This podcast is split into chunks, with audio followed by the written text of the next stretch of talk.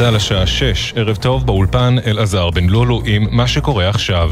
המלחמה במזרח אירופה, יותר מאלפיים אזרחים נהרגו מאז פלישת הכוחות הרוסים. כך מעדכנות הרשויות באוקראינה. ארגון הבריאות העולמי מדווח שמשלוח הסיוע ההומניטרי הראשון לאוקראינה יגיע מחר לפ... מפולין.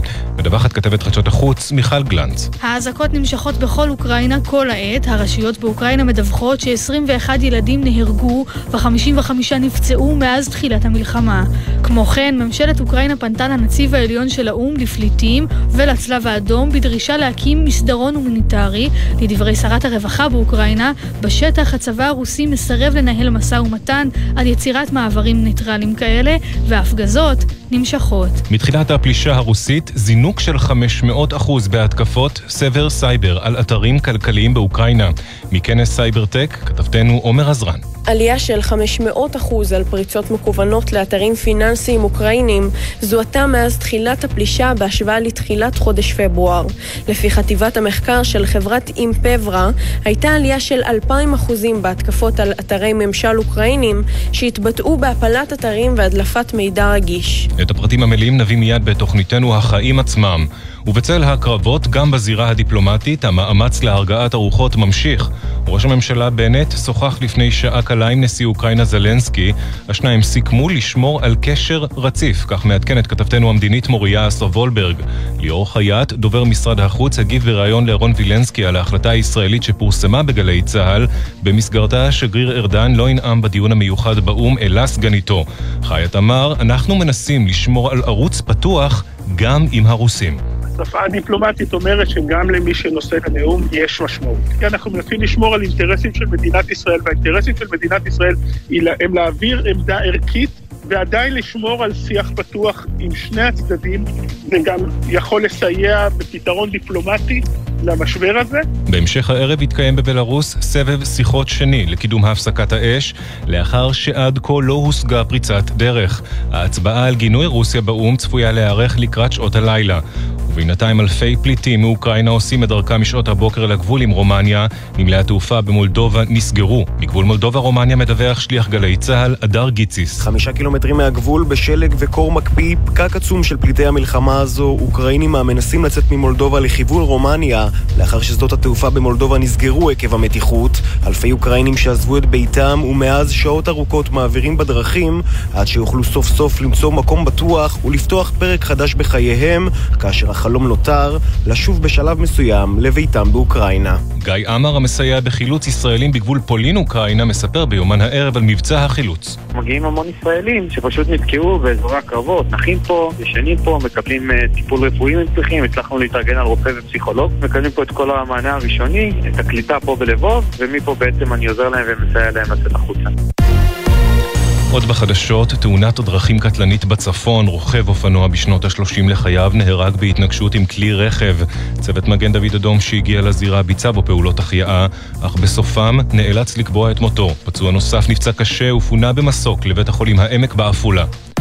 שר הבריאות הורוביץ תוקף את האוצר ומאשים אגף התקציבים מטרפד את קיצור תורנויות המתמחים ברפואה, מדווח כתבנו לענייני בריאות שי פרידמן. לאחר עיכוב של יותר מחודש בהגשת ההמלצות של צוות יישום קיצור התורנויות, הורוביץ טוען כי אגף התקציבים תוקע את הוצאת המתווה לפועל בסירובו לאשר תקצוב נוסף על סך 25 מיליון שקל.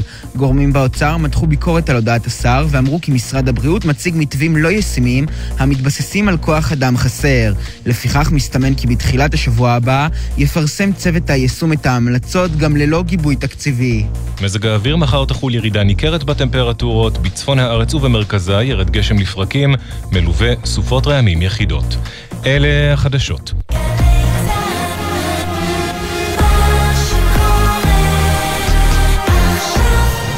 בחסות מחסני חשמל, המעניקה על כל קנייה, התקנה והגדלות חינם של מחשבים, קונסולות משחק וטלפונים ניידים. במחסני חשמל. עכשיו בגלי צה"ל, ישראל פישר ושי ניב עם החיים עצמם. מה שקורה עכשיו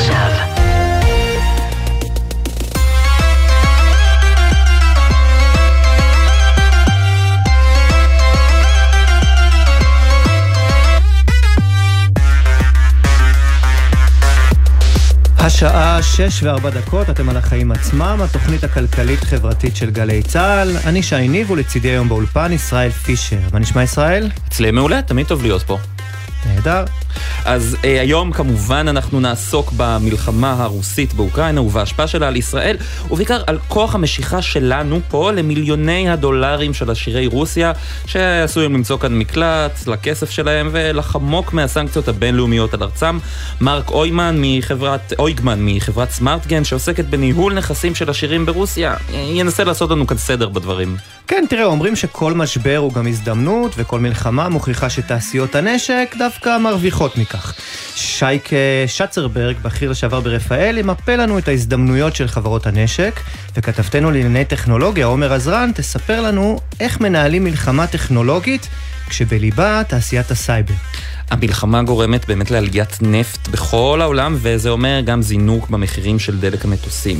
זה ככל הנראה יתגלגל אלינו הצרכנים כשמחירי כרטיסי הטיסה יזנקו. אורי סירקיס, מנכ"ל ישראייר, ידבר איתנו על זה, וגם על איך משפיעה סגירת המרחב האווירי מעל אוקראינה ורוסיה והסנקציות של חברות התעופה הרוסיות על נתיבי הטיסה מישראל. ובזמן שעובדי משרד החוץ באירופה מנסים לחלץ את הישראלים הנצורים באוקראינה, הם מעלים מחדש לתודעה את מאבק השכר שלהם. שים לב לזה, עובד מתחיל במשרד החוץ יכול לקבל רק 6,000 שקלים בחודש ולעבוד מסביב לשעון. יושב ראש ועד עובדי משרד החוץ, יוסי לוי ספארי, יגיד לנו מהם צעדי המחאה הבאים שלהם. תשעה בני אדם מתו מתחילת השנה בעבודות בניין. במשרד הכלכלה מאשימים את מכון התקנים בעיכוב מתמשך של רפורמה בעניין, אבל מאיר שמש, יושב ראש התאחדות קבלני הפיגומים, חושב שהרפורמה הזו לא ממש תוכל לשמור על בטיחות העובדים. וגם, אם נספיק, אחרי שהרגיז את אילון מאסק שעקב אחרי המטוס שלו, תלמיד קולג' אמריקאי בן 19 בלבד מפרסם את המיקומים של המטוסים הפרטיים של עשירי רוסיה, וזה כבר נהפך לוויראלי במהירות. איתן לשם מהארץ יסביר לנו מה כל כך מעניין בזה. אבל לפני הכל ישראל, מה הכותרת שלך?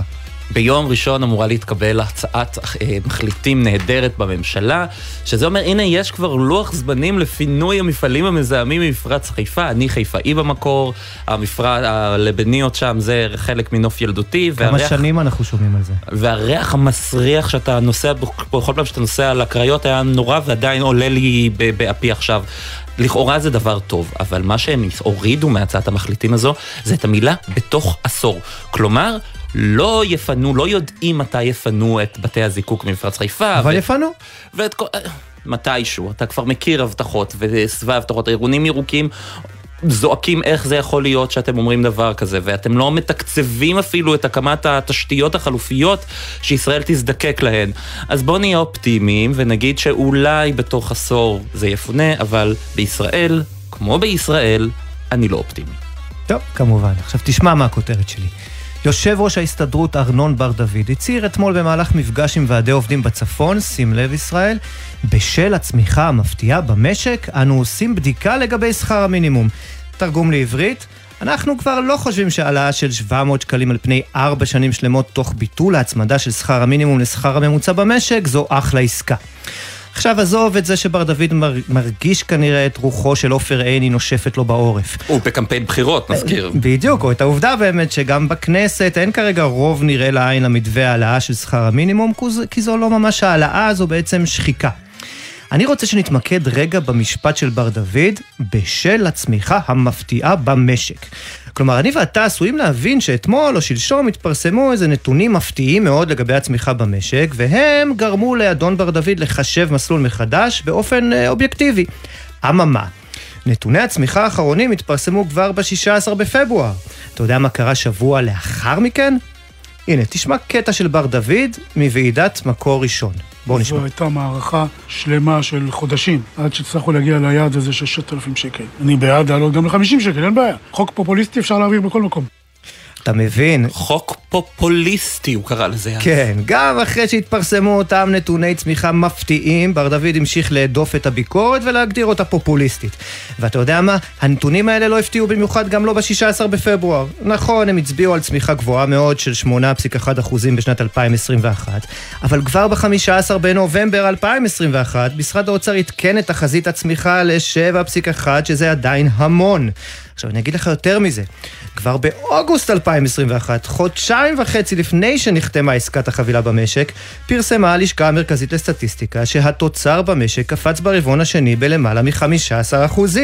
כלומר, המגמה הייתה ברורה, לא הייתה שום הפתעה ובשום שלב. אז מה כן יש לנו?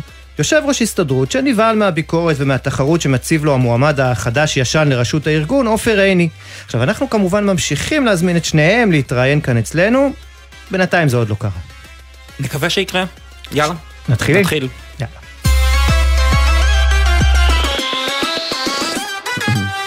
טוב, אנחנו פותחים אה, בכסף הרוסי שיכול אה, לזרום הנה בעיקר מיהודים שמחפשים אה, מקלט לכסף שלהם על רקע כל הסנקציות שיש בבנקים שם באירופה. מרק אויגמן, מנכ"ל משותף בחברת סמארטגן, ערב טוב לך. ערב טוב. אז למה הם רצים דווקא לכאן? מה ההזדמנויות שיש להם כאן? א', הם רצים משם, כאן זה פשוט ההזדמנות שהם מרגישים הכי מוגנים. הם אה, רובם אה, מחזיקים באזרחות ישראלית, דרכון ישראלי, מרגישים איזושהי זיקה ושייכות ומרגישים שישראל כרגע לא נקטה בסנקציות אה, נגד רוסים, לא הצטרפה לסנקציות כמו ארה"ב או האיחוד האירופאי והם מרגישים שמשם פשוט לא כל כך, שם לא כל כך מוכנים לקבל אותם. רק נגיד למאזינים, אתה מנהל גוף השקעות, נכון? שמטפל בעצם בנכסים פיננסיים של אה, עשירים אה, יהודים מרוסיה, אפשר לומר זאת כך? דוברי רוסית, כן, בדיוק. דוברי רוסית. אוקיי, ואתה עכשיו רואה איזושהי תנועה מאוד גדולה לכיוון ישראל? הרבה פניות אליך? תנועה ענקית, אנחנו פשוט, המיילים והטלפון מתפוצץ כבר אה, שבוע, ואנשים רבים שבחיים לא חשבו שהם יגיעו למצב שהם רוצים לעזוב את רוסיה וגם את אוקראינה כמובן. אה, עכשיו מחפשים פה איך לעלות, איך לנצל את ה... את הזכות שלהם, או כאלה שכבר אה, יש להם את הדרכון ואת האזרחות, הם אה, רוצים להגיע לפה, והרבה מהם, אני מניח, ירצו להישאר פה גם. אבל רוסיה מנותקת מסוויפט, מערכת התשלומים העולמית, זה אפשרי בכלל להעביר כסף מבנקים רוסים כאן לבנקים בישראל, או איך זה יתאפס, יתאפס פה כאן בישראל, כשכסף משם מועבר לכאן למרות שיש סנקציות כל כך כבדות על רוסיה? אלא אם כן מגיעים עם מזוודות. גם יכול להיות. א', רוסיה לא, כרגע עדיין לא מנותקת אה, מסוויפט, רק כמה בנקים רוסיים שתחת סנקציות, חמישה בנקים מנותקים מסוויפט, בנקים אחרים עדיין לא. יש שם מגבלות אחרות שהנשיא, החל מאתמול, פוטין, אמר שפשוט אסר על להעביר אה, כספים אה, אה, למדינות אחרות, כן, אבל הבעיה אחרת שגם אם אנשים מצליחים להעביר את הכסף זה לא חייב להיות גם דרך מרוסיה, זה יכול להיות גם משוויץ או מאירופה, גם, זהו, לא שוויץ לא ויתרה על הניטרליות שלה כאן, היא תמיד היה המקלט מס או המקלט לכסף הגדול בעולם אפשר להגיד, ועכשיו ממשלת שוויץ בצד נדיר וחסר תקדים בעצם הצטרפה לאיחוד האירופי והטילה גם סנקציות על אנשי עסקים רוסים. איך, איך אה, זה משפיע עלינו? מה זה אומר כאן לגבי תעשיית הפיננסים הישראלית? שאנחנו יכולים עכשיו אה, לזכות גם ביהודים וגם בכסף שלהם, שזה פעמיים טוב, הם לא צריכים את הכסף מישראל, הם רק יבואו ויביאו את הכסף להשקעות בארץ. כי אנחנו עדיין לא הצטרפנו לסנקציות, ויהודים אה, שרוצים לעלות, פעם הם היו עולים ומשאירים את כל הכסף, את רוב הכסף שלהם בשוויץ ובאירופה ובלונדון ובמדינות נוספות. היום אה, יש להם אה, רצון רב להביא את זה דווקא לישראל, כי הם מרגישים שגם הם יהיו פה מוגנים וגם הכסף שלהם, ואנחנו כישראל יכולים מאוד ליהנות מזה. אתה מספר לנו לפני התוכנית שיש היום ברוסיה כ-30 אלף אנשים אה, אה, עם כסף נזיל של מעל מיליון דולר שיכולים להגיע לישראל. יכולים? כלומר, הם זכאים לפי חוק השבות, נכון? נכון, זה בערך הערכות, אי אפשר לדעת בדיוק, אבל הערכות מדברות על בערך 30 אלף איש, כן. כמה, אגב, זה, זה ואתה לא מגדיר אותם כאוליגרכים נדמה לי, או שחלקם לפחות כן. החלק של אוליגרכים הוא מאוד קטן, כן, אני מדבר עכשיו על אנשים, אתה יודע, שמחזיקים בחשבון הבנק שלהם שלושה, ארבעה, חמישה מיליון דולר, הם כולם אה, נופלים תחת הסטטיסטיקה הזאת, יש להם את זכות השיבה, או שהם כבר קיבלו את הדרכון ועדיין לא עלו, להערכתי בחמש שנים האחרונות מרוסיה עלו לפה משהו כמו 5,000 מיליונרים. הזכרת... אני מדבר איתך עכשיו כן. פי, פי, פי שש שעדיין נמצאים שם. הזכרת שהוטלו סנקציות על כחמישה אה, בנקים אה, אה, רוסים בסך הכל. כמה מהם מאותם 30 אלף עשירי רוסיה, שאתה ככה לפחות מדבר עליהם, נערכו מראש והשקיעו את הכספים שלהם בגופים כאלה ואחרים שאינם אותם בנקים? הם לא נערכו מראש, הם נערכו מראש לא לאופציה של מלחמה כוללת, כמו שאנחנו רואים אותה עכשיו, הם כל הזמן כבר במשך ה-20 השנים האחרונות הם אה, מנסים, אתה יודע, לפזר את הסיכונים והם מחזיקים כסף גם בבנקים אה, אה, נוספים ברוסיה וגם בשוויץ וגם באירופה ורוב הכסף שלהם נמצא לא ברוסיה. רוב הכסף של האנשים האלה נמצא מחוץ לרוסיה כבר מזמן. למשל בנדל"ן אגב? גם נדל"ן, גם בבנקים בשוויץ, גם בנדל"ן באירופה, גם בנדל"ן בלונדון. אבל אם אדם עשיר שכזה, ברוסיה, הממשל הרוסי יגלה שהוא מתחיל להעביר נכסים אה, למדינות אחרות כמו ישראל, הוא עשוי להיתפס שם כסוג של בוגד, נגיד את זה ככה. אני מצטער להגיד, אבל אה, יהודים בכל מקום, ברגע שיש משבר, הרבה פעמים, גם אם הם לא מעבירים את הכסף, הם אה, נתפסים כבוגדים, אבל זה כבר עניין אחר, זה עניין היסטורי שאי אפשר לדבר עליו המון. אבל אה, נכון, הוא ייחשב כבוגד, אבל לפחות הוא יהיה עם הכסף שלו במדינה שכן רוצה אותו. אז אנחנו בעצם יכולים להפוך לסוג של מקלט ל... אוליגרכים של פוטין, שעובדים עם פוטין או חלק מהמעגל הקרוב שלו, אנחנו שמענו על אה, חלק כמו רומן אה, אברמוביץ', שהוא עכשיו מתווך בשיחות שם. לדעתי אנחנו לא צריכים לקחת את זה כשחור ולבן, זה לא שאם יש לך כסף אז אתה אוליגרך של פוטין ואם אין לך כסף אז אתה לא אוליגרך של פוטין. יש המון אנשים שהם לא אוליגרכים של פוטין, רובם, 99% מהם, שהם אנשי עסקים רגילים, אחד שיש לו מפעל לרהיטים, אחד שמפתח תוכנת סייבר ברוסיה, או אחד שמפעיל רשת מסעדות. אין לו שום קשר לממשל, אבל הוא בן אדם עמיד. אז אין שום סיבה שאם הוא רוצה עכשיו להפוך להיות בן אדם עמיד בישראל, אנחנו לא נרצה אותו, הוא רק יכול לתרום לכלכלה שלנו, לדעתי. כן. אתה יודע, יאשה קדמי, שככה היה המנהל המיתולוגי של אה, נתיב, שעסק בהעלאת אה, אה, עולי ברית המועצות לישראל, הוא סיפר ככה כבר לפני עשור בספר שכתב, שיהודי ברית המועצות בכלל לא רצו, ברובם המוחלט אפילו, לעלות לארץ, העדיפו בעיקר את ארצות הברית, אבל ישראל היא ממש שיחדה את צ'אוצ'סקו בכסף רב, ב-100 מיליון דולר אם אני לא טועה, כדי שככה במעבר מברית המועצות לרומניה הם יוכלו... יוכלו אה, להגיע רק לישראל ולא למקום אחר. אז אני שואל, אה, מה השתנה? אז רק החרב שמונפת אה, מעל הראש, פתאום אפשר לראות בישראל כאיזה מקלט? לדעתי זה לא פתאום, אנחנו מכירים את העלייה הענקית שאני חלק ממנה ואני דווקא עליתי כן דרך רומניה בשנת 90 לישראל, כשהייתי ילד קטן. נו, אתה רואה, זה עבד. זה עבד, אה, ההורים שלי אף פעם לא חשבו לעלות לארצות הברית, הם עלו, רצו רק לישראל, יש לנו פה המון אה, קרובי משפחה, וחלק גדול מהמשפחה עוד עלו בשנות ה-70 לישראל, לכן אנחנו לא נופלים תחת הסטטיסטיקה של אה, מר קדמי. אני חושב שהמון אנשים כן רואים את ה... העתיד שלהם ואת החיים שלהם אה, יחד עם ישראל, ומה לעשות, כמו גם להרבה יהודים בארצות הברית שאוהבים את ישראל אבל עדיין נשארים שם כי שם הם עושים את העסקים שלהם, אז גם הרבה יהודים, בסופו של דבר גם המצב הכלכלי וגם היכולות הכלכליות ומה לעשות עם החיים שלך, לפעמים זה גם משחק תפקיד בחלק... אה, של חיים, של חיים של הרבה אנשים. ורוסים הם לא שונים בזה.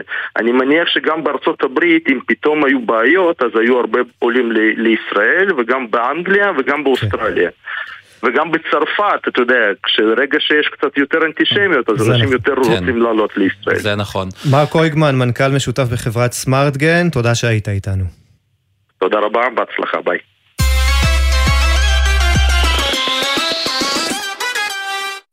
אתה יודע, בקשר לשיחה הקודמת, אני רק רוצה להגיד שכסף כשזורם למדינה זה יכול להיות טוב מאוד, אבל יכולות להיות לכך גם השפעות קצת שליליות. אנחנו רואים מה קורה כשעשירים ממדינות אחרות מתדלקים כאן בועות, אה, ולא אמרתי את המילה נדל"ן, ויכולה להיות לזה השפעה שלילית. אבל בואו נעבור אה, לנושא הבא. חד משמעית, והנושא הבא הוא עדיין בענייני מלחמות, ויש ככה עוד גורמים שמרוויחים.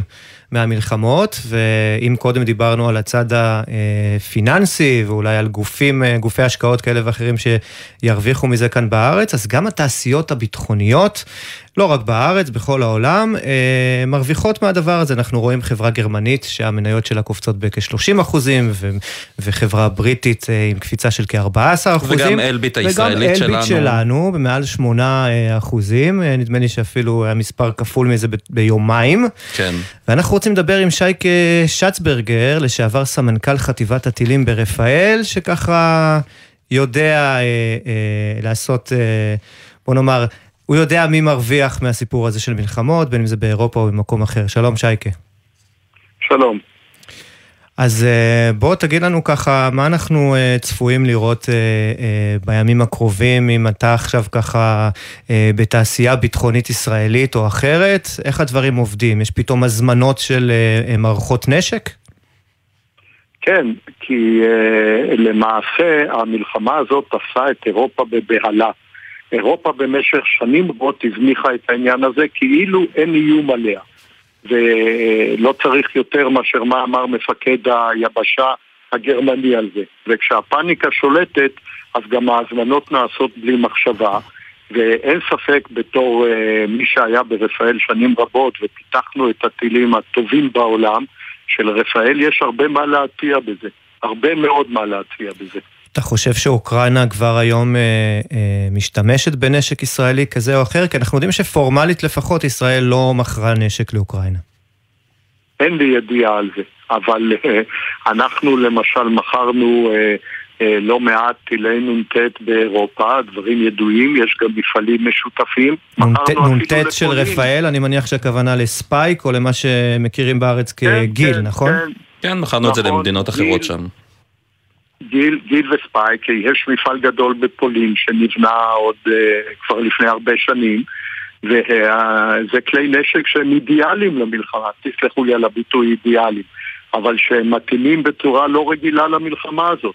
לדעת האם הם עברו את, ה, את הגבול או לא, אין לי מושג, בייחוד שאני כבר שנים לא ברפאל. ואתה חושב שישראל היום צריכה לאמץ מדיניות של מכירת אה, כלי נשק לאוקראינה? אנחנו צריכים להיות בצד הזה של המפה, כי אנחנו רואים מדינות אחרות שמעבירות אה, כל מיני מערכות לחימה לאוקראינה. חד משמעית לא, המצב שלנו שונה לגמרי. יש לנו פה את רוסיה בחצר האחורית או בחצר הקדמית שלנו, והאינטרס הזה הוא לא דומה לאינטרס של האחרים. אנחנו צריכים גם להיזהר בדברים האלה ולא ללכת כמדינה קטנה אה, ראש בראש מול מעצמה אדירה. ואני מניח אה, שכשרוצים, אנחנו יודעים לעשות את זה באמצעות אה, צד שלישי, נכון?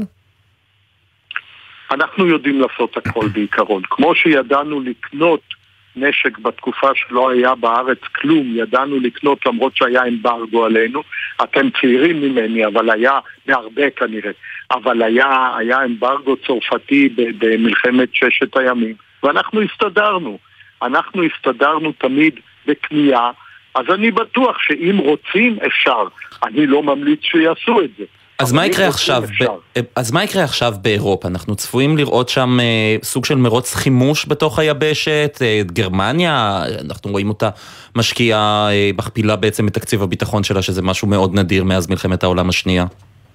אני חושב שאירופה צריכה לעשות הצטיידות מסיבית מה שהם הזניחו במשך שנים, אם זה אה, נ"ט להגנה, אם זה הגנה אווירית דוגמת אה, אה, כיפת ברזל ודברים דומים, ואם זה טילים ארוכי טווח למטוסים הנחותים שלהם.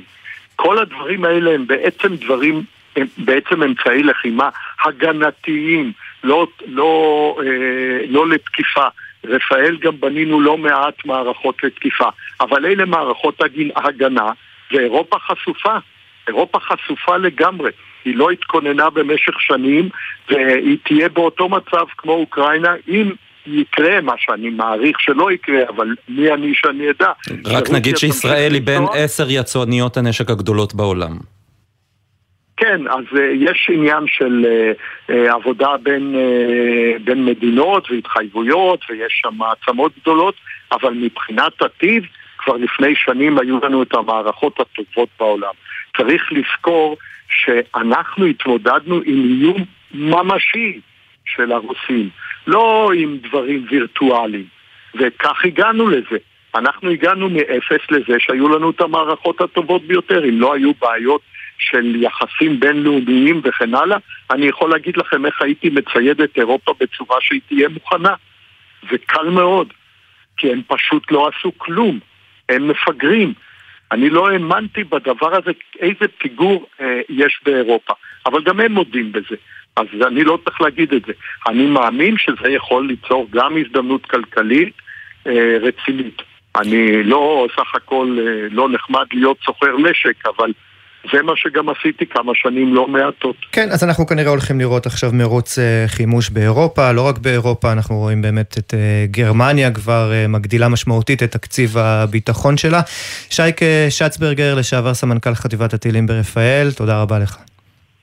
תודה לכם. אנחנו נמצאים שבוע לתוך המלחמה באוקראינה, ואפשר לראות שהקרבות שם הם הרבה מעבר רק לחילות רגלים. המלחמה משתנה, אין יותר רק הפצצות, משוריינים, אלא מלחמת סבר סייבר. יש פריצות לאתרים ממשלתיים משני הצדדים, הש... השבתת אתרים, הדלפות מידע פנים. כתבתנו לענייני טכנולוגיה, עומר עזרן, מצטרפת אלינו נתונים מעניינים מאוד בנושא הזה שמתפרסמים כאן לראשונה. שלום עומר. שלום שי, שלום ישראל. אחד הדברים באמת הבולטים מהמלחמה הזו הוא שב-2022 מרחב הסייבר ממש הפך לזירת קרב מקבילה לזו שיש ברחובות של אוקראינה. זה בא לידי ביטוי בנתונים שאנחנו מפרסמים כאן היום בתוכנית, עלייה של 500% בהתקפות על אתרי פיננסים באוקראינה בהשוואה לתחילת החודש, תחילת חודש פברואר, כך לפי חטיבת המחקר של, של חברת אימפרווה. בנוסף לזה זו הייתה עלייה של 2,000 אחוזים בהתקפות על אתרי ממשל אוקראינים ועלייה של פי מאה בהתקפות קוד זדוני. מטרת אותן ההתקפות האלו היא למעשה ליצור עומס חריג על האתרים ובכך להשבית את המערכת. כל השבתה כזאת יכולה גם לשבש שירותים חינוכיים, אה, שירותים חיוניים ואפילו לפגוע במורל האזרחי וכפי שליאור דיב, מנכ"ל ומייסד של חברת Cybereason, סיפר לנו בכנס Cybertech, מלחמת הסבר סייבר הזו הייתה צפויה. בעצם אנחנו רואים אה, שינוי אה, דרמטי בגישה של רוסיה בשבועות האחרונים. בשנה שעברה בעצם אנחנו רואים תקיפות סייבר, אה, וזה במטרה שפוטין בעצם שם לעצמו לייצר לחץ על הכלכלה האמריקאית. אנחנו מאמינים שברגע שהסנקציות על רוסיה ילכו ויגדלו, פוטין ישתמש באותן קבוצות תקיפה. כן, השרים בממשלת אוקראינה אפילו קראו להאקרים, פצחנים, לתקוף יעדים רוסיים ולהדליף משם מידע, ואכן בתחילת השבוע הזה פצחנים מקבוצת אנונימוס בשיתוף עם משטרת הסייבר של אוקראינה השביתה את אתר הקרמלין ואתרי ממשל רוסיים נוספים. הפצחנים גם הדליפו אלפי שמות ופרטים אישיים של בכירים במשרד ההגנה של רוסיה ושל אלפי חיילים רוסים. כן, ובכל המערכה הזו גם ענקיות הטכנולוגיה, חברות שכולנו מכירים, גם נכנסות לעיצומים. נכון, אז באמת הלילה אה, חברת אפל הודיעה שהיא תפסיק למכור את מוצריה ברוסיה עד להודעה חדשה.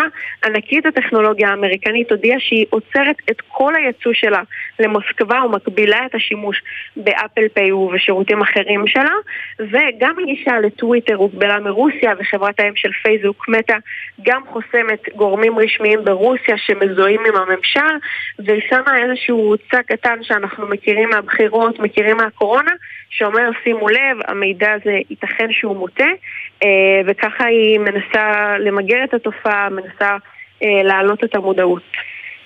כתבתנו לענייני טכנולוגיה, עומר עזרן, תודה רבה לך, ערב טוב. תודה.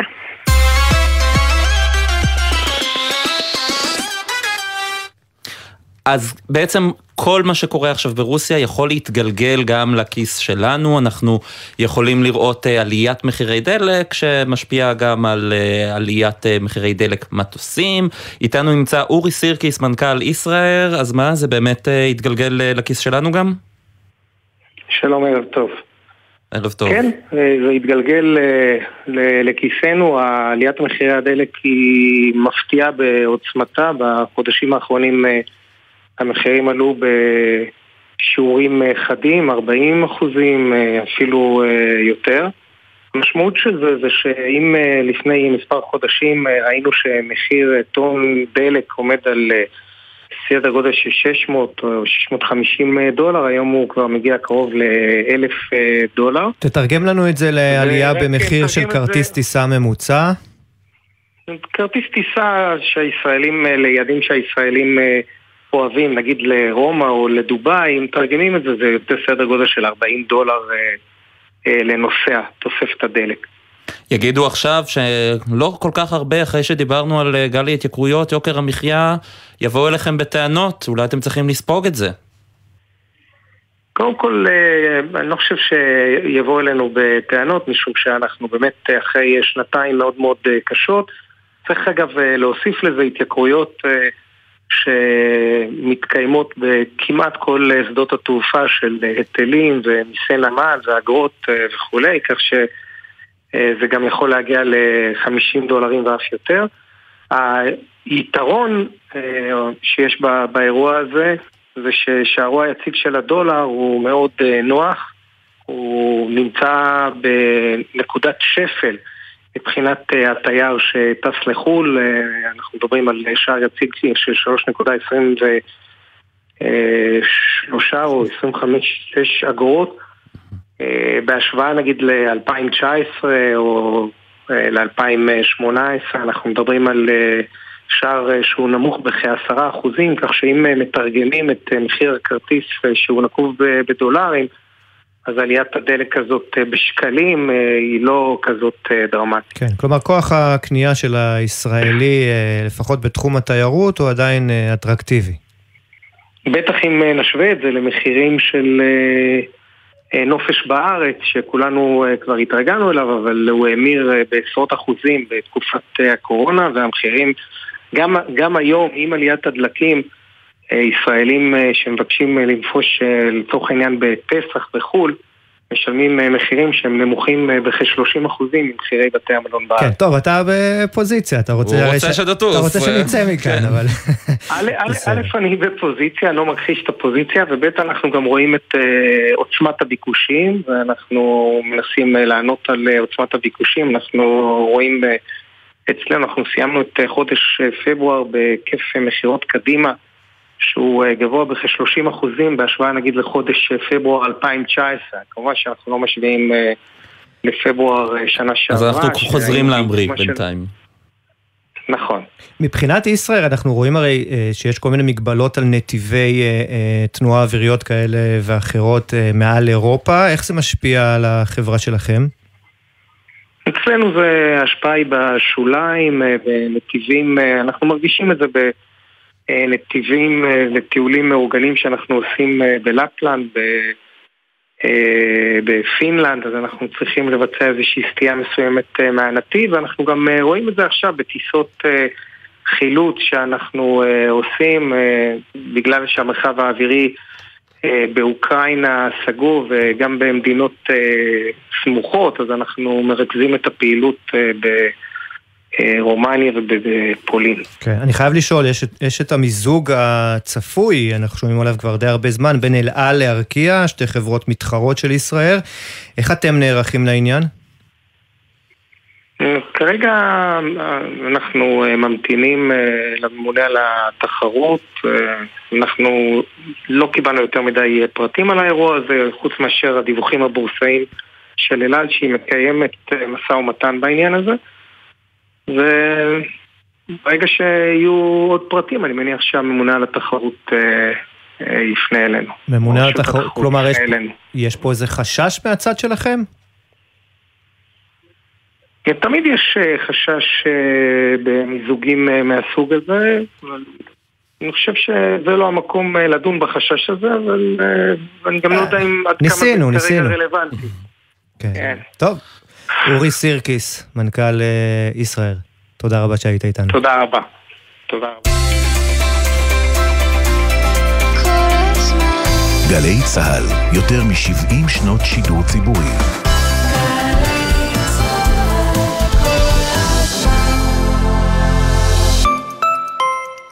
ספרות, היסטוריה, אזרחות, הרצל, לאה גולדברג ואלף בית יהושע. נכסי צאן ברזל המאחדים ושומרים על זהותנו כמדינה. ארגון המורים העל-יסודיים שומר על מקומם של המקצועות ההומניים למען האחדות ולמען הזהות הישראלית, למען עתיד ילדינו. מגיש ארגון המורים העל-יסודיים. עזריאלי, מכללה אקדמית להנדסה, ירושלים. אתם מוזמנים ליום הפתוח המקוון, יום חמישי, עשרה במרס בארבע. לפרטים התקשרו כוכבי 9087, עזריאלי, מכללה אקדמית להנדסה ירושלים. זירות תרבות בירושלים. אתם מוזמנים לסוף שבוע של תרבות ואירועים בירושלים. ישראל אהרוני והילה אלברט בזירת אומנות הבישול. להקת ורטיגו ורוני סומק בזירת מחול ושירה. אהוד בנאי וג'יש בזירת מוסיקה דו-לשונית. זירה רב-תחומית של אופרה, מוסיקה, מחול ואומנות רחוב. ועוד עשרות מופעים מגוונים למזמינים חבילות לינה בחודשים פברואר ומרס בירושלים. עוד פרטים באתר iTravelJerusalem.com להתרגש בחורף הירושלמי. ספרים רבותיי ספרים, בתוכנית מיוחדת עם מאיר שלו, על ספרו החדש, אל תספר לאחיך. אני הסוויתי את קוצר הראייה שלי בכך שבהפסקות אף פעם לא שיחקתי עם הילדים, כי לא הייתי רואה את הכדור מתקרב אליי בכלל, והייתי יושב בספרייה של בית ספר וקורא כל הזמן, כי את הספר את יכולה לקרב לעיניים. ספרים רבותיי ספרים, שישי, חמש בערב, גלי צה"ל. עשור למותו של ג'קי מקייטן. נתנו לי שיר, נתנו לי שיר, אשר יומי, יומי העיר. בן פראג' ושחר אמנו עם הלהיטים הגדולים, הסיפורים והגעגוע. מחר, שתיים בצהריים, גלי צה"ל. עכשיו בגלי צה"ל, ישראל פישר ושי ניב עם החיים עצמם. תשמע, מדברים הרבה לאחרונה על העבודה של אה, עובדי משרד החוץ, בטח בהקשר של המלחמה אה, בין אוקראינה לרוסיה. אה, אנחנו רואים ככה עבודה סביב השעון ואת החילוץ של הישראלים בגבולות. מה שפחות יודעים זה שיש עיצומים של ממש של אותם עובדי משרד חוץ, לא באוקראינה כי אותם החריגו. ואנחנו רוצים לדבר בעניין הזה עם יוסי לוי ספרי, יושב ראש ועד עובדי המשרד. שלום לך יוסי. ערב טוב. בוא רגע לפני שנצלול אל הסכסוך, ככה נשמע ממך, מהשיחות שלך עם העובדים שנמצאים שם בגבול של אוקראינה, מה הם מספרים? תשמע, האמת שהם עושים שם עבודה נפלאה, הם עובדים באמת מסביב לשעון, קור מקפיא, היום ממש תפסו אותי ואמרו לי, יוסי, אולי תצא גם אתה לאוקראינה, אמרתי, מצטער, יש לי כמה עניינים לנהל פה בענייני הסכסוך, אבל כמעט כל עובד שרואים במסדרון פה מבקשים את עזרתו לצאת לשם ואנשים מתנדבים ב- ב- ברצון רב. זה מחמם את הלב, זה מחמם את הלב אבל האמת היא שאנחנו די רגילים לראות את זה במשרד החוץ. זה, זה היופי של משרד החוץ, אנחנו בתקופות שגרה פחות נמצאים בכותרות כמו היום אבל, ובתקופות משבר תמיד אנחנו מאוד בולטים שם, אבל בעצם משרד החוץ עושה עבודה מאוד משמעותית והוא מרכיב חשוב בביטחון הלאומי שלנו כל השנה. כן, וכן, וכל זאת, למרות שהתנאים, תכף תספר לנו, לא משהו, בלשון המעטה. התנאים לא משהו בלשון המעטה, הבעיה העיקרית שלנו זה שאנחנו מרגישים שהמעסיק שלנו, שזו המדינה, לא רק שלא דואגת לנו, אלא ממש הולכת ועם השנים הולכת ומתנכלת לנו. וזה בא לידי ביטוי בהרבה מאוד מרכיבים שנוגעים גם לעבודה של עובדי משרד החוץ בארץ, אבל הרבה מאוד גם בנוגע לשליחים שלנו. כמה למשל שליח רוצה... שנמצא עכשיו באוקראינה, בגבול פולין, לך... מרוויח, מקבל? אני רוצה לספר לך על משהו, על פנייה ממש חמה מהתנור שהגיעה אליי לפני, לפני חצי שעה. פונים אליי השליחים ברוסיה. ואומרים לי, יוסי, תשמע, אני לא יודע אם אתם שמתם לב, אבל השכר שלנו נשחק בכמה ימים האחרונים בעשרות אחוזים. כי השכר משולם ברובל. אה, כן. נכון, עכשיו זה, זה סיפור שהוא לא סיפור חדש, לי הוא מוכר כי היינו עם הסרט הזה לא מזמן בטורקיה כאשר השכר שם נש- נשחק בעשרות אז מה עושים במצב כזה? מה אומרים לך במשרד האוצר? או אין איזה ב- מנגנון הצמדה? ייקח הרבה מאוד זמן עד שהם יגידו, זה בדיוק העניין. יש ודאי, יש דרכים לפתור את הבעיות האלה, הרי אנחנו לא הראשונים בעולם שמשגרים אה, שליחים אה, לשרת מעבר לים, כל משרדי החוץ בעולם עושים את זה, יש מנגנונים, במקרים כאלה שהם קיצוניים, אתה פשוט משנה מטבע תשלום כדי שהמטבע יהיה מטבע חזק, אבל, אה, ויש מנגנונים של עדכון, אבל המנגנונים האלה עד שהם נכנסים לפעולה, בינתיים בקצב שחיקה כזה, אתה בינתיים נשחק באופן מאוד מאוד משמעותי. אם השחיקה היא 2% אז המנגנונים עובדים, אבל כשהשחיקה היא עשרות אחוזים בימים, אין, אין דרך לפתור את זה. אבל הנה, יש לכם זה- סוף סוף זה- שר חוץ שעוד כשהיה באופוזיציה דיבר על הצורך לחזק את שירות החוץ של ישראל, וגם יש לו ציוצים מאוד אה, נחמדים בטוויטר לאחרונה. והוא גם אומר שהוא מסכים עם אה, שר האוצר ליברמן אה, על, על צורך בטיפול בנושא, אז מה, מה מעכב את הכל? איפה הבעיה? וואלה, אתם צריכים לשאול אותו. תשמעו, בעיני- בעינינו כעובדים זה המבחן האמיתי של השר לפיד. בסופו של דבר, המשרד הזה בנוי על אנשיו. אין לנו לא טנקים, לא מטוסים, יש לנו בני אדם. והם אלה שעושים את העבודה, הם אלה שעושים את העבודה בנושא הגרעין האיראני, הם אלה שפותרים בעיות בנושאים הכלכליים, אלה שעושים את העבודה היומיומית. ואם אנחנו לא נדאג לחזק אותם, ואם לא נדאג לייצר מצב שבו עובד שנקלט למשרד החוץ לא משתכר 6,000 שקל, כי אז אתה באמת רואה פחות עניין של עובדים להיכנס למשרד החוץ. רגע, איזה לא סוג נדאג של עובדים לטפל- משתכר 6,000 שקל? עובדים פה בארץ או עובדים שליחים? לא, עובדים. שליחים בעולם לא, לא, יכולים לא. לקבל לא, לא, שכר לא, לא, ששווה לא, ל-6,000 לא, שקל לא. בחודש. לא, לא, לא. לא. צוער שנקלט למשרד החוץ, השכר שלו בארץ הוא סדר גודל 6,000 שקל. ואם אתם חושבים שהשכר הזה עולה משמעותית, אז בדיון בכנסת שהיה אה, בתחילת השבוע, אמר אה, ראש חטיבת אה, אה, אה, הון אנושי ארץ, אה, תשמעו, עובדים שחוזרים מחו"ל אחרי שש שנים משתכרים 7,000 שקל. אז אתם מבינים שהאנשים האלה פשוט לא נשארים פה. אתמול עובדת מאוד מאוד מאוד טובה שלנו, פגשתי אותה פה, והיא אמרת לי, יוסי, אני היום זה היום האחרון שלי, אני עוזבת, אני לא רואה עתיד לזה, אני לא יכולה להחזיק את עצמי כלכלית ככה. זה לא הדרך לקיים שירות חוץ חזק, שמסוגל לתת מענה לצרכים שמדינת ישראל צריכה להתמודד איתם, בוודאי. בעולם המשתנה ועם המשברים המדיניים שיש היום. אז בואו בוא נדבר רגע. פרקטית. מה אתם רוצים? תן לנו מספר, מה אתם מבקשים בדיוק? תראה, אנחנו מבקשים קודם כל להחזיר את כל הפגיעות שבוצעו בנו בשנים האחרונות.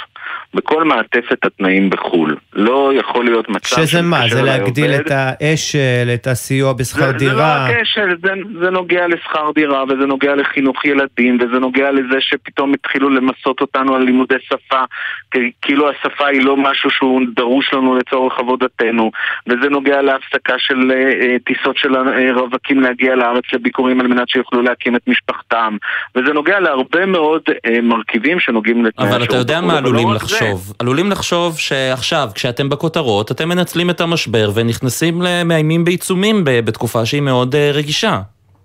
או, זה היופי בדברים.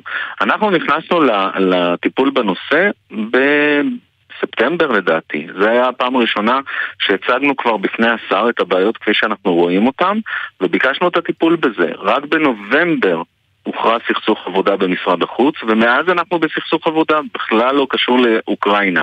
האחריות הרבה שלנו כוועד, כעובדים, היא לא ל- ל- להטיל עיצומים דווקא בנושא הזה, זה היה הכי קל, היינו מגיעים לכותרות תוך שנייה, אם הייתי אומר לכל אנשינו בחו"ל לחזור לארץ, תאמין לי, הייתי בכותרות, בכותרות ראשיות תוך אתה שנייה. יודע מה הבעיה? אבל זו התנהגות לא אחראית מבחינתי, כנראה שאולי אנחנו טועים בזה, אומרים לי מההסתדרות שאנחנו עדינים מדי.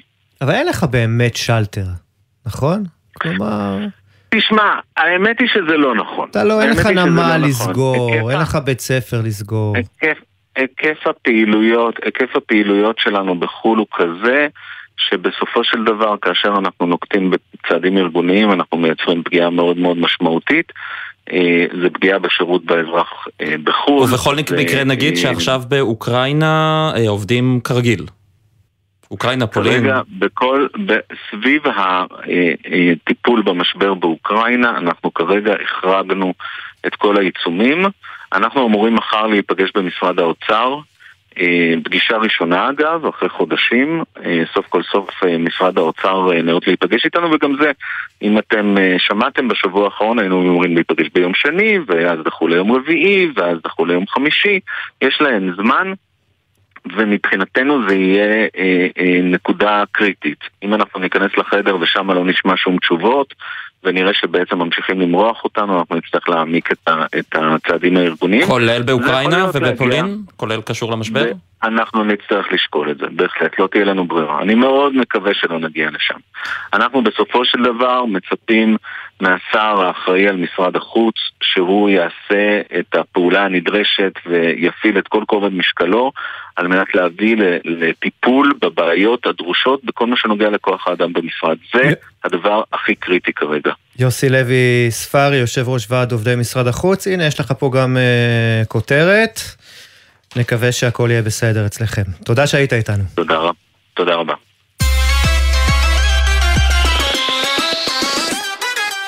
טוב, אז אה, אחרי שתשעה בני אדם מתו מתחילת אה, השנה, יש אה, ת- תקנת אה, אכיפת הפיגומים לפי אה, התקן האירופי, הייתה צריכה להיכנס לתוקף אתמול, זאת אומרת, אה, קצת אה, לשמור על אה, ביטחונם אה, אה, ושלומם של העובדים. אגב, אתמול, אבל נאמר, אבל עדיין באיחור של שלוש שנים. עדיין, כמובן, נו מה, לא יכולת... כי נחתם הסכם, כמו שדיווחנו לפני כשבועיים, ב-2018, וה, והדבר הזה אמור היה להיכנס לתוקף תוך חצי שנה, וזה התעכב והתעכב והתעכב, כמו שאנחנו מכירים פה במחוזותינו. מופתע?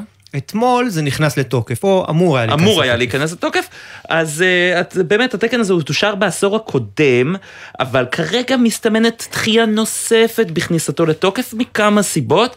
כתבתנו עינב קר- קרנר, שלום לך. שלום ישראל, שלום שי, אז קודם- כל מצוין שי על ההעברה שעשית, באמת התקן החדש של התקן האירופי בפיגומים היה צריך להיכנס כבר אה, אה, לפני שנתיים וחצי, כאמור חצי שנה לאחר חתימת ההסכם, אבל עכשיו אנחנו מדווחים אה, פרסום ראשון אה, בתוכנית אה, החיים עצמם, שלאחר דיון שהתקיים אצל סגן שרת הכלכלה, חבר הכנסת יאיר גולן, עם כל מיני גורמי מקצוע, ממה שאני מבינה אה, הוחלט לדחות את התקן הזה באופן חלקי או מלא לראשון, אה, ל-1 באוגוסט. כאמור, מחר צריכה להיות פגישה נוספת של סגן דחייה. השרה עם...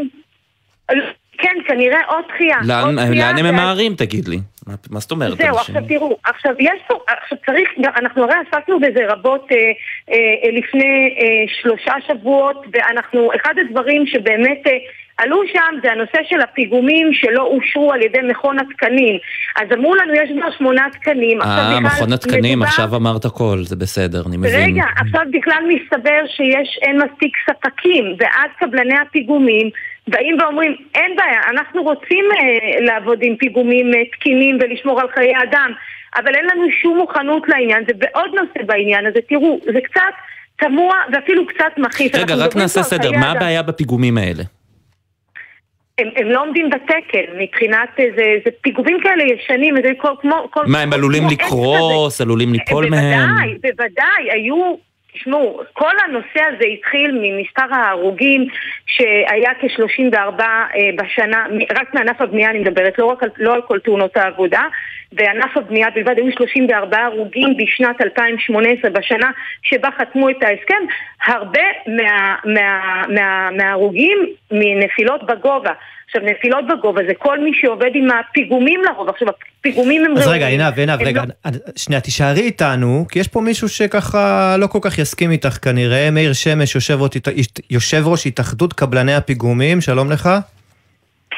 שלום לך, שלום ישראל, שלום עיניו. נדמה לי שלפחות לפי דעתך, הפיגומים הקיימים שעשויים ככה מעץ, אה, שילוב של מתכת, אה, לא לפי התקן האירופי, הם אה, מספיק טובים, והבעיה היא אחרת, נכון? נכון. קודם כל הפיגומים הישראלים, הפיגום הישראלי עבר תקן. אז הפיגום שאתה מרשה עצמך לזלזל בו, הוא פיגום תקני. אממה, הם בטוחים? יש כמה אלמנטים, ובטוחים יותר בטוחים מהביטוח- מהפיגום האירופאי. לנו אין, אה, אין לנו העדפה, פיגום כזה, פיגום כזה, פיגום כזה. אנחנו נותנים עם כל הפיגומים, ומעדיפים לעבוד עם פיגום תוצרת ישראל, כחול לבן. אז איך יכול להיות שמתחילת השנה תשעה בני אדם מתו? תשעה בני אדם מתו. או, שאלת את השאלה הנכונה. ממה הם מתו? מישהו מתוך התשעה ההרוגים מת מפיגום זקיפים? בין היתר ראינו נפילות מגובה, אבל בהחלט לא רק לא, מנפילה תסביר, תסביר לי, מפיגומים. סליחה, סליחה. לא, לא, לא, לא, אנחנו לא, לא יודעים- שלא רק, כן. בכלל לא, בכלל לא. זה לא, לא, לא רק, בכלל לא. מתוך התשעה הרוגים שיש מתחילת השנה, אין אפילו הרוג אחד מפיגום זקיפים. תגיד לי, אבל... החיבה- בשנת 2018... אבל אני חייב לשאול, החיבה שלכם ל- ל- לפיגום הישראלי לא נובעת במקרה מהעובדה שהוא גם עולה פחות?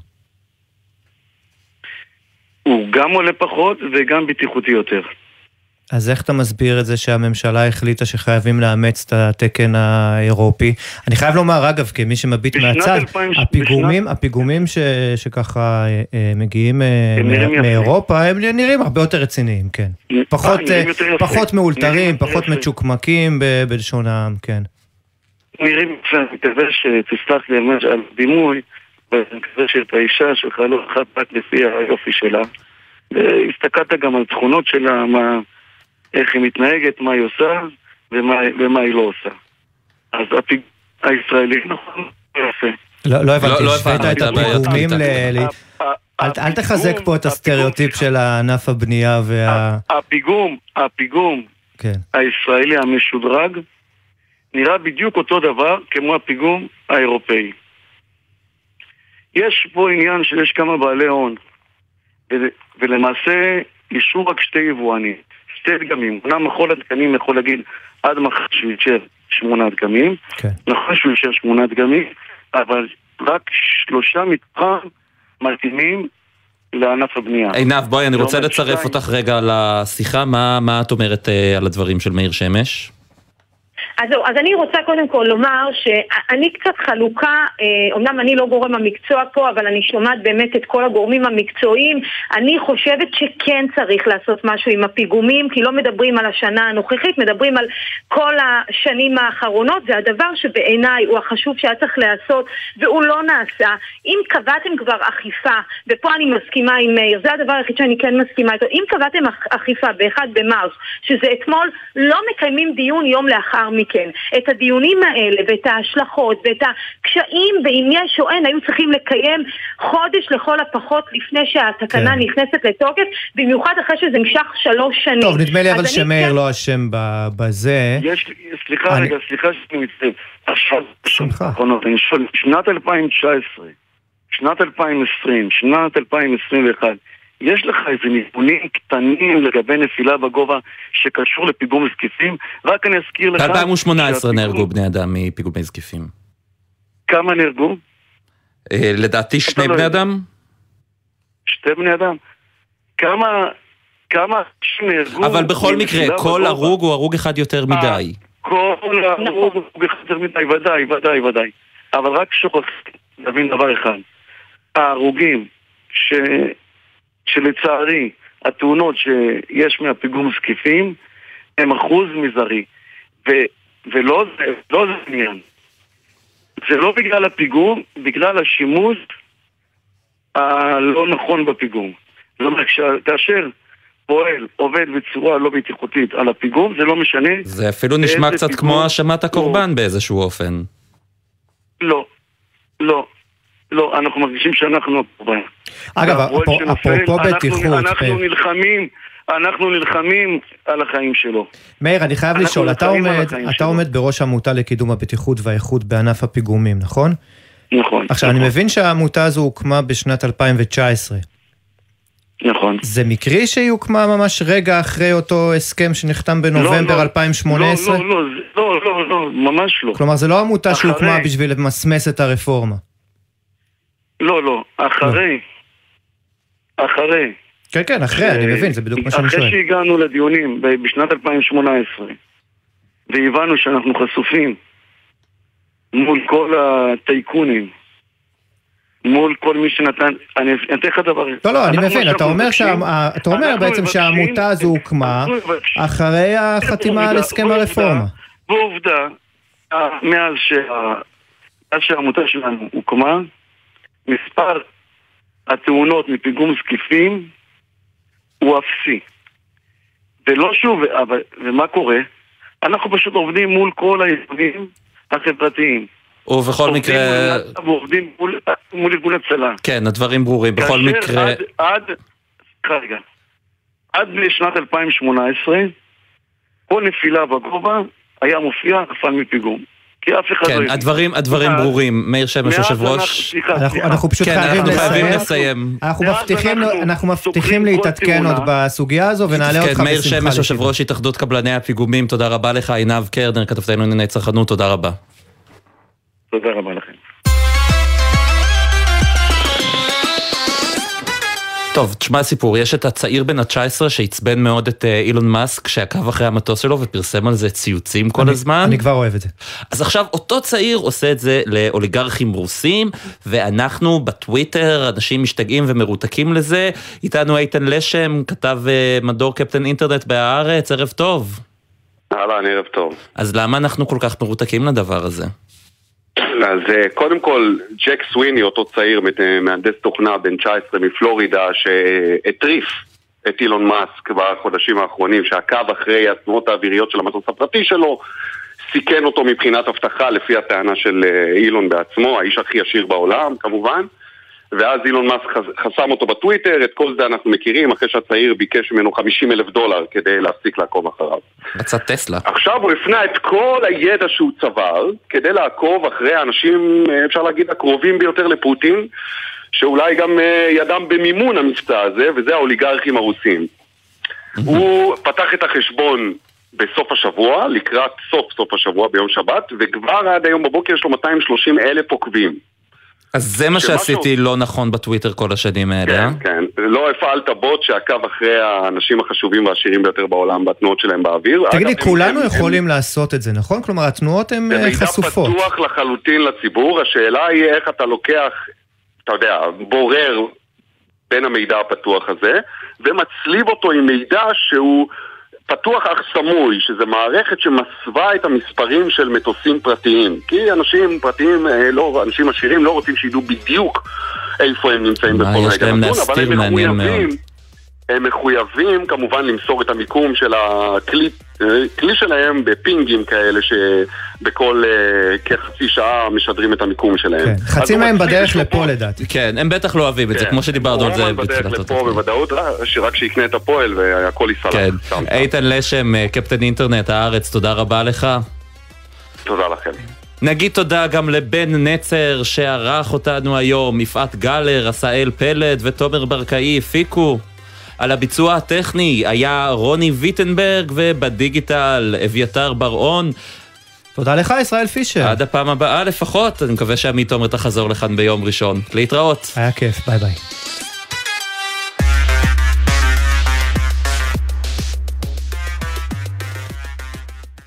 בחסות הפניקס Smart, המעניקה עד 45% הנחה בביטוח המקיף. כוכבית 5, 4, 3, 2. או חפשו הפניקס Smart בגוגל. כפוף לתקנון המבצע, הפניקס חברה לביטוח בע"מ. גלי צה"ל, יותר מ-70 שנות שידור ציבורי.